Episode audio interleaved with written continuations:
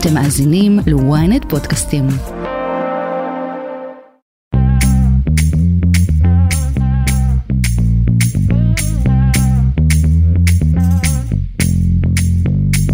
שלום לכם, אתם על כסף חדש, הפודקאסט הכלכלי היומי של ynet. שבוע טוב, יום ראשון, 16 ביולי, מה יש לנו עבורכם היום?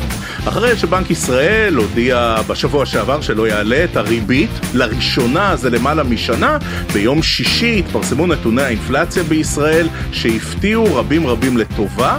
אנחנו נשוחח עם בחירה בבנק ישראל כדי להבין האם הם ציפו לירידה הזו באינפלציה, אולי גם הם הופתעו, ואיך היא עשויה להשפיע על הכרזות הריבית הקרובות בישראל. הריבית בהחלט, זה הכלי המוניטרי והוא עובד כמו שהוא אמור לעבוד. עוד בפוד, ומנגד, על אף שנרשמה כאמור ירידה במדד המחירים לצרכן וגם במחירי הדירות, מחירי השכירות או הם ממשיכים לטפס עוד ועוד, נשוחח עם כתבת ynet הילה ציון בכדי לנסות ולהבין את התופעה ומה הממשלה מתכננת, אם בכלל, כדי לנסות ולפתור את הבעיה שמשפיעה על כל כך הרבה ישראלים, במיוחד אלו מהמעמד הנמוך והבינוני. אותם אלה שיושבים על הגדר עדיין גרים בשכירות, מה שאומר שהביקושים לשכירות רק הולכים וגדלים. בזמן שהביקושים לדירות אה, בבעלות הולכים ויורדים. וגם, מאנגליה דרך בלגיה ועד איטליה, שורה של שביתות ועיצומים ברחבי אירופה עלולה לשבש את חופשת הקיץ של רבים וטובים. וגם של הישראלים. נשוחח עם כתבנו דניאל סלאמה כדי להבין אילו חברות תעופה כבר הודיעו על ביטולים, מי עוד צפוי לשבות ואיך אנחנו הישראלים יכולים לוודא שהטיסה שלנו מתקיימת כמתוכנן וכמובטח. אני רועי כץ, עורך את הפוד, היום דן רבן, נדב ברכה הוא על הביצוע הטכני, כסף חדש, הפודקאסט הכלכלי היומי של ynet. הנה, אנחנו מתחילים. כסף חדש כסף חדש, אנחנו מתחילים. ביום שישי האחרון התפרסמו נתוני האינפלציה לחודש יוני, ששוב הפתיעו רבים לטובה. מדד המחירים לצרכן נותר ללא שינוי, וזה אומר ירידה משמעותית בשיעור האינפלציה השנתי לשיעור של סדר גודל של 4 אחוזים ושתי עשיריות, משמעותית מתחת לתחזיות. אנחנו רוצים להעמיק בעניין הזה, אומרים שלום למנהלת האגף המוניטרי בחטיבת המחקר בבנק ישראל, שלום לדוקטור סיגל ריבון. שלום, שלום. דוקטור, הופתעתם מהנתונים? אה, כן, האמת שהייתה לנו הפתעה טובה, זה תמיד אה, ככה אה, נחמד לחכות למדד ולשמוע נתון שהוא טיפה יותר נמוך ממה שצפינו, גם אנחנו וגם החזאים, יש לנו איזושהי תחזית שאנחנו מסתכלים קדימה ובהחלט הנתון הזה היה מעודד, בהחלט. בהסתכלות המקצועית שלך, מה גרם לירידה החדה?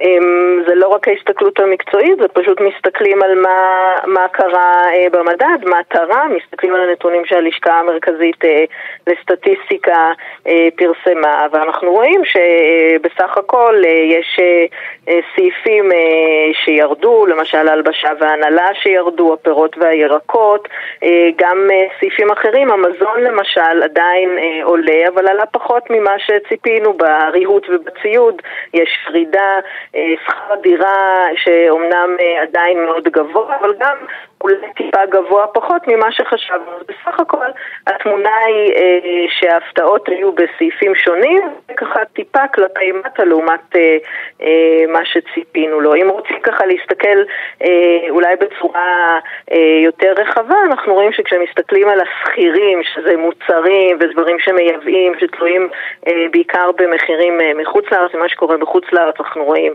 התמתנות מאוד משמעותית, שמסתכלים על החלק השני, שאנחנו קוראים לזה שירותים או לא שכירים, כמו בריאות וחינוך, אה, שם אה, האינפלציה עדיין קצת יותר גבוהה ופחות מתמתנת, אבל גם שם ככה רואים בקצה אה, התמתנות שיכולה לעודד אותנו. דוקטור ריבון, כמה מהירידה קשורה לריבית? הוועדה המוניטרית במשך באמת עשר פעימות שונות העלתה ריבית והעלתה ריבית, ויש מי שחושב שהקרדיט הזה שייך לכם. אני חושבת שהקרדיט שייך אה, גם לנו, בהחלט. אנחנו רואים שהכלכלה עובדת, מה שלומדים הסטודנטים לכלכלה, אכן בסופו של דבר עובד.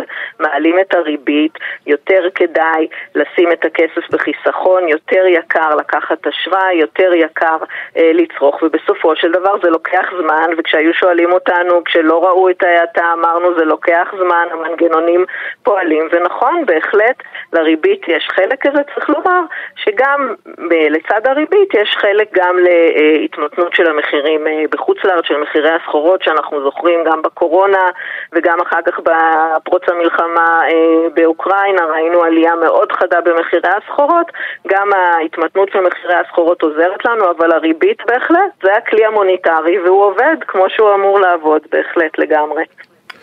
תלטפי רגע את כדור הבדולח שנמצא ברשותך. המגמה הזאת תימשך? הנתונים האלו ישפיעו על החלטות הריבית הקרובות?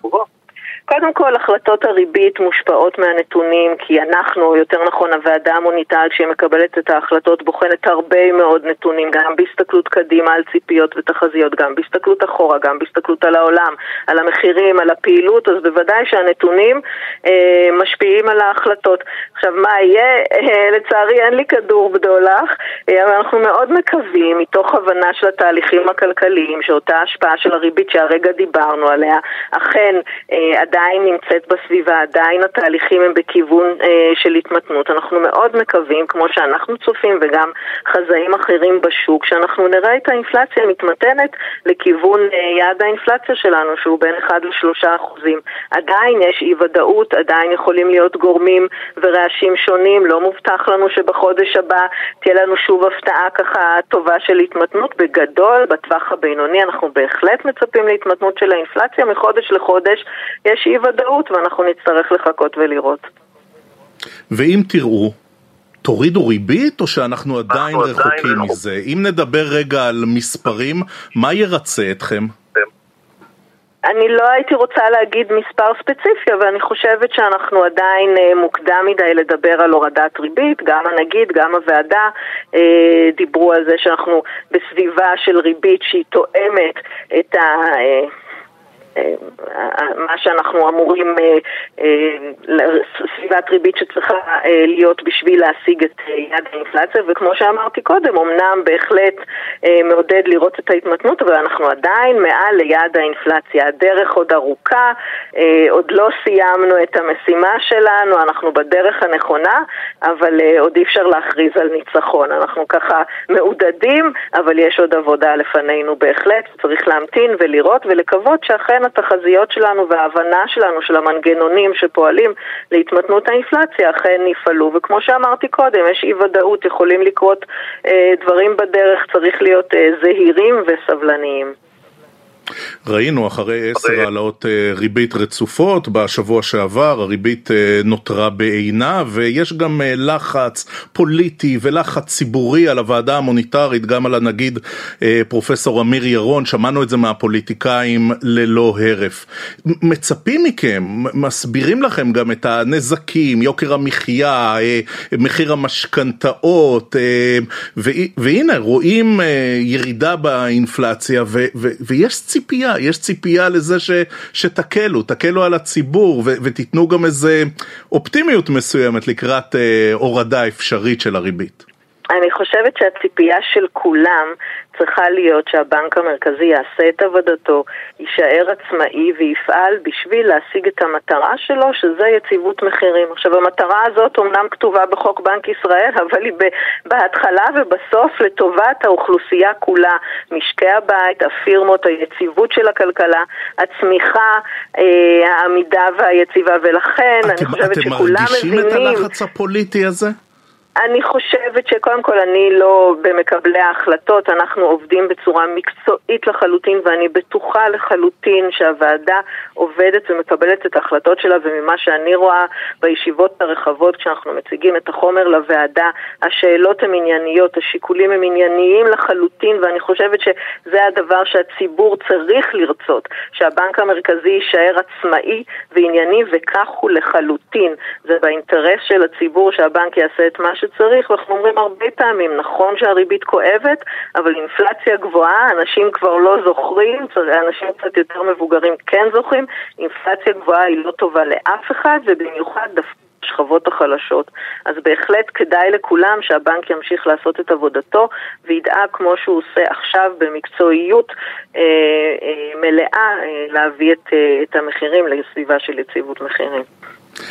דוקטור סיגל ריבון, אני מנצל את זה שאת על קו הטלפון שלנו, אה, תכף נדבר באריכות על סוגיות נדל"ן, אני אשמח מאוד לקבל גם את האינפוט שלך במידה ואפשר. כאמור, בשוק הנדל"ן המחירים ממשיכים אה, לרדת, אה, אבל מנגד השכירות מזנקת. איך את מסבירה את זה?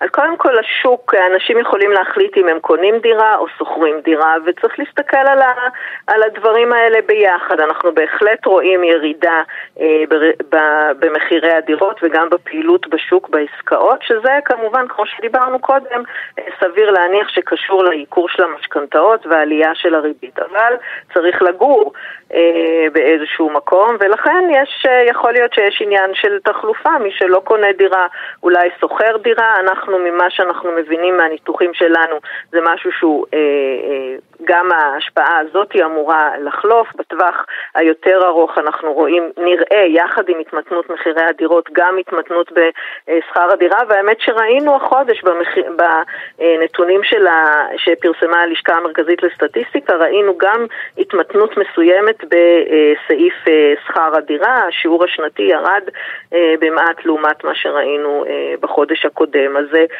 אנחנו מקווים שגם שם אנחנו נראה... את אופטימית, את שומרת על אופטימיות. בהחלט, בהחלט, כן. חשוב תמיד, כן. תודה רבה לך גברתי, תודה. תודה רבה לכם, כל טוב, ביי.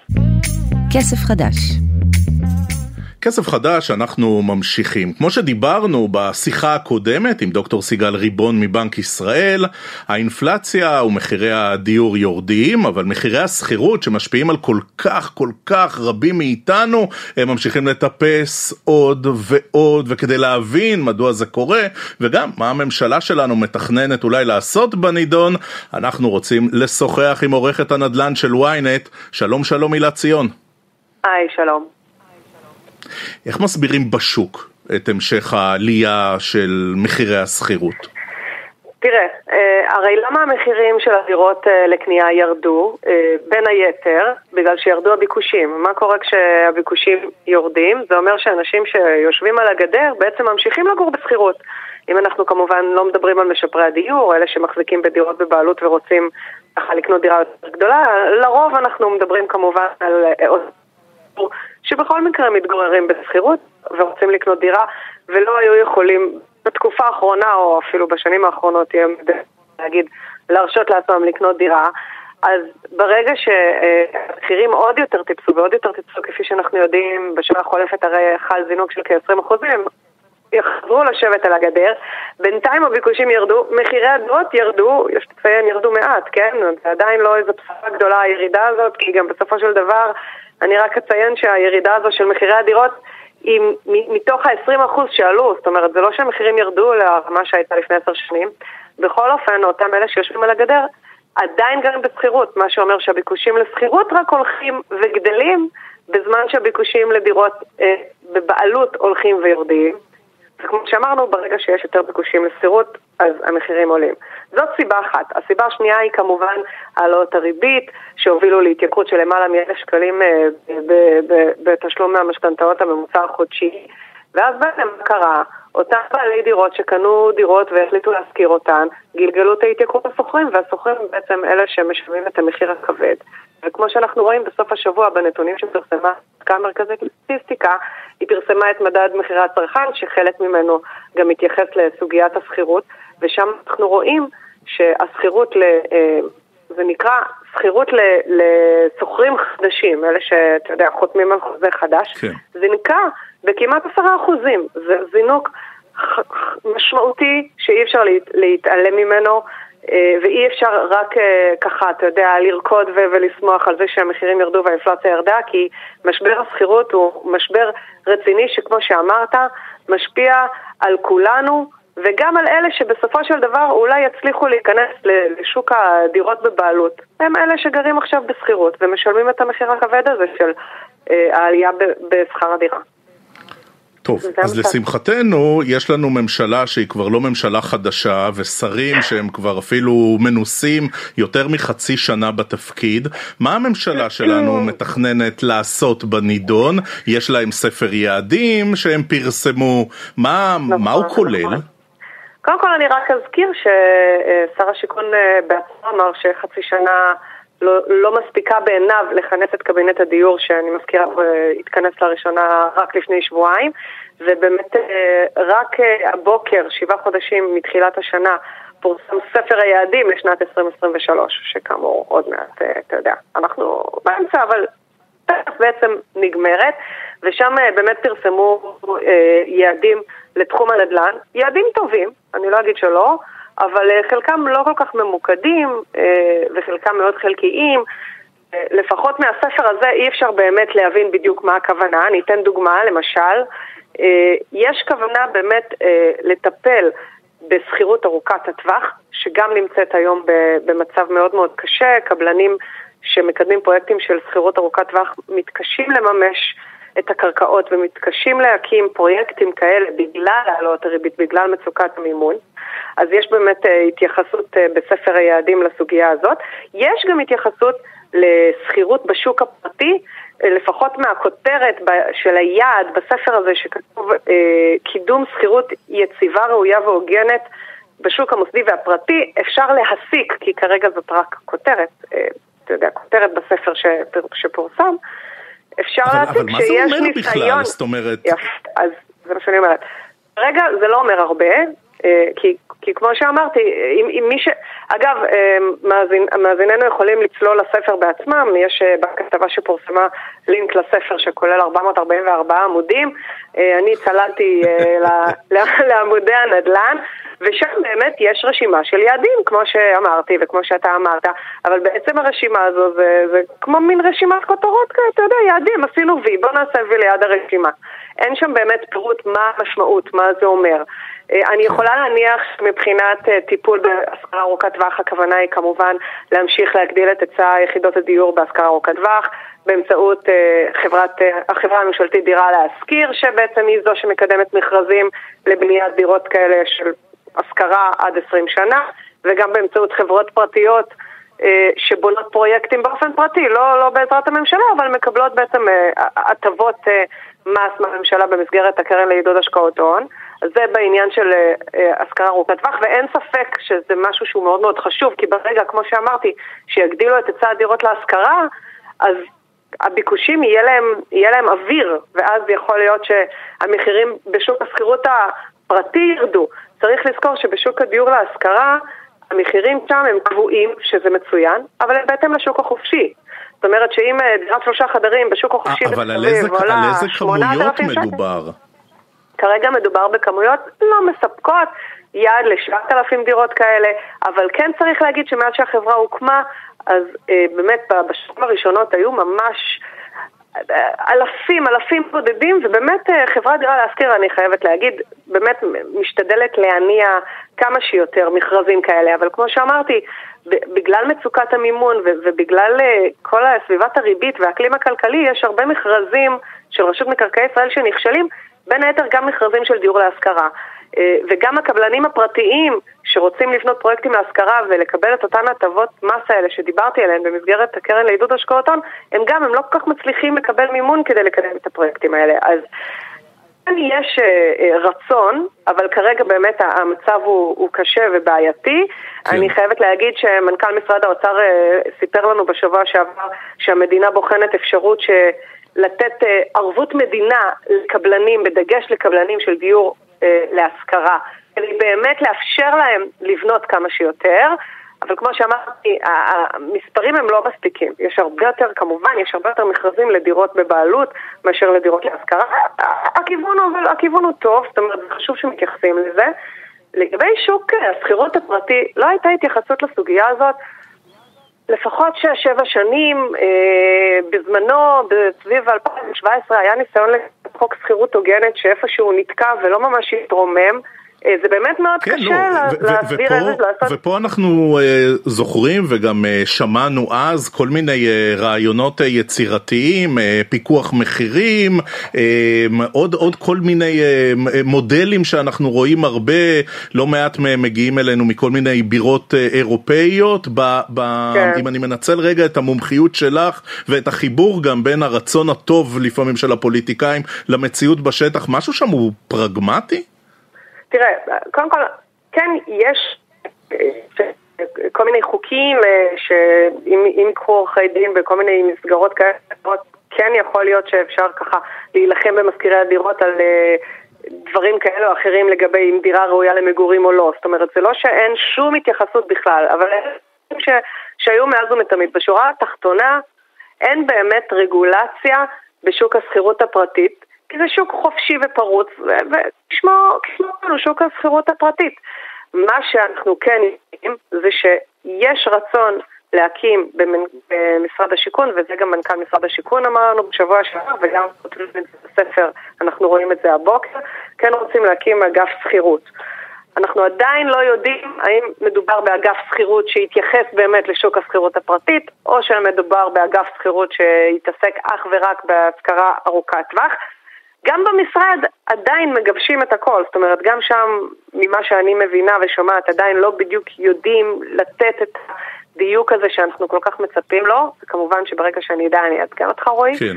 אבל זה המצב כרגע, זאת אומרת, אני לא אגיד שהכל מאוד מאוד מאוד מסתורי, אבל uh, עדיין לא, לא מהודק בכלל, בטח לא ביחס למשבר שאנחנו נמצאים.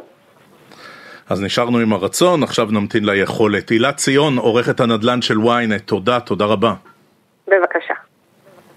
לפני שאנחנו עוברים לנושא האחרון שלנו היום בכסף חדש, אנחנו מזכירים לכם שאתם יכולים למצוא אותנו בכל אפליקציות הפודקאסטים המובילות, אה, ספוטיפיי, אפל פודקאסט כמובן, תמיד תמיד במתחם ynet רדיו בעמוד הבית של ynet. אתם יכולים להאזין לנו שם בהאזנה מאוחרת לכל הפרקים היומיים של כסף חדש. תגיבו לנו, אתם יכולים גם לשלוח לנו תגובות, אנחנו נשמח מאוד מאוד לשמוע.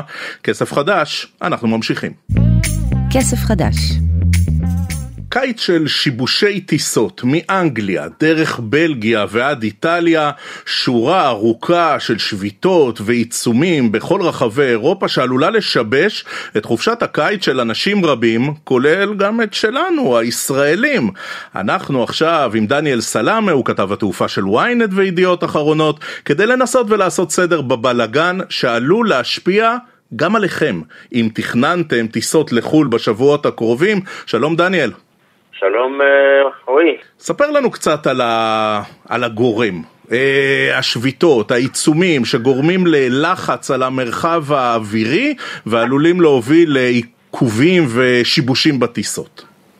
אנחנו כבר רואים בשבוע האחרון שהיו כמה מקרים שבהם אה, נצפו עומסים ועיכובים עד לכדי ביטולים של טיסות. ממש בסוף השבוע היו במילאנו, ברומא ועוד כמה שדות תעופה אה, באיטליה. הרקע הוא שביתות של ארגוני עובדים מענף התעופה, החל מטייסים, דיילים, פקחים, עובדי קרקע ומה לא. כרגע על הפרק, אה, הודיעה שהיא מבטלת 1,700 טיסות שיוצאות או מגיעות לשדה התעופה הגטוויק שבלונדון. הרקע הוא שתי סיבות. קודם כל, אה, עובדי שדה התעופה בגטוויק הודיעו על אה, צעדי מחאה ושביתה שצפויים אה, לשבש אפילו מאוד טיסות בשדה התעופה גטוויק, וזה גם יכול להשפיע על שדות תעופה אחרים בלונדון, בבריטניה ובכלל באירופה. רגע, רגע, אתה יודע, אתה, אתה, אתה זורק ככה את, ה, את המספרים ואת המשמעויות, כן. מה זאת אומרת, מה זאת אומרת איזי ג'ט מבטלת 1,700 טיסות משבוע שעבר ועד ספטמבר? הלו, הלו, אנשים הזמינו, אנחנו רוצים להגיע למקומות, מה נעשה? נכון, נכון, ואיזי ג'ט מבחינתם הודיעו שעד נכון ליום חמישי הם הצליחו לטפל ב-95% מהכרטיסים שהיו על אותן טיסות שהם ביטלו.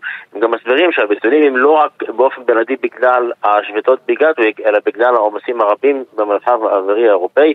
יש עומסים באזורי הפיקוח האווירי מעל צרפת, יש אה, עומסים באזור אה, אה, מערב אירופה, סליחה, בצד המזרחי של אירופה, היות והמרחב של אוקראינה נסגר, אז כל התנועה שהייתה אמורה לעבור מעל אוקראינה הוסתה מסביב לה, מה שיצר עוד עומס על השטחים שבמילא עמוסים, ויש גם קרוב אלינו, אצל השכנים באי קפריסין, גם שם מסתמנים עומסים שיכולים לגרום לשיבושים ולעיכובים, ואם כל זה לא הספיק לנו, עכשיו גם בגלל הודיעו כאלף עובדים משדה התעופה, אה, החל מעובדי שירותי הקרקע ועד לסבלים שמעמיסים ופורקים את הטיסות, הכריזו שהם פותחים בצעדי מחאה אה, שמשכו אה, שמונה ימים ו...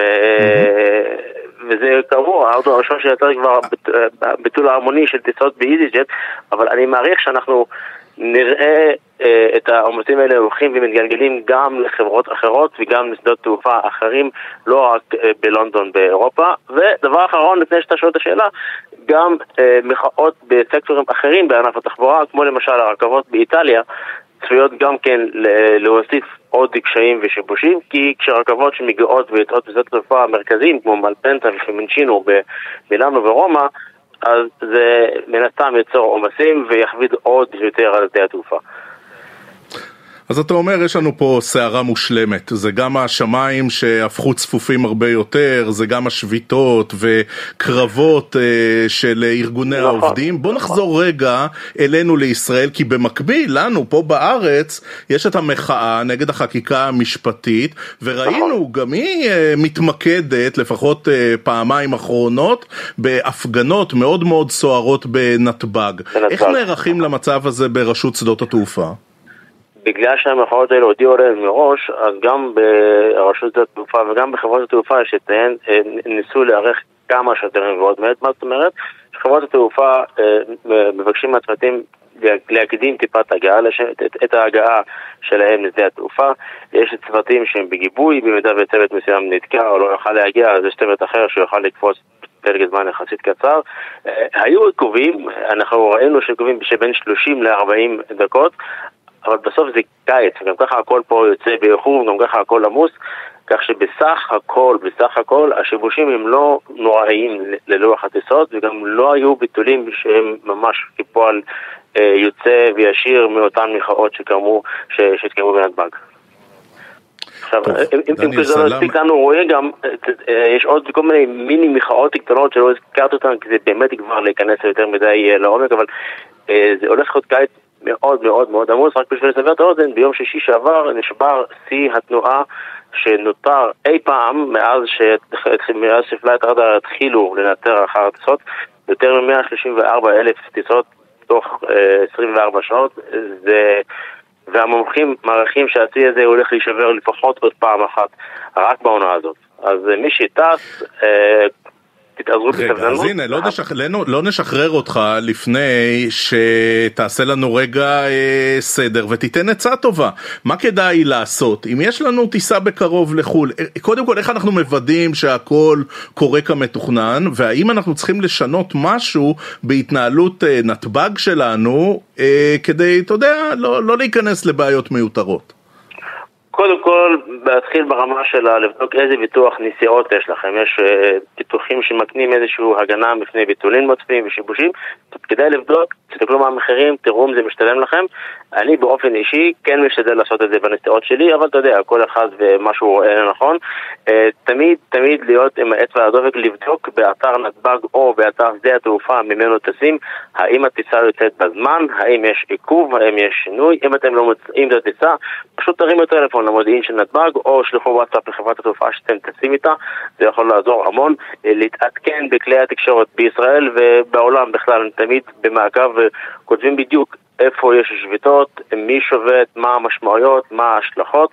וטיפ שהוא נורא חשוב, אבל אני מלמד יותר ויותר שאנשים לא, לא מודעים אליו, אפשר פשוט להיכנס לשדה התעופה שממנו טסים ולראות שם בלוח המאוד והטיסות, מה קורה, מה המצב, האם יש עיכובים, אין עיכובים, האם הטיסה שלכם מתקיימת, ולזכור ש...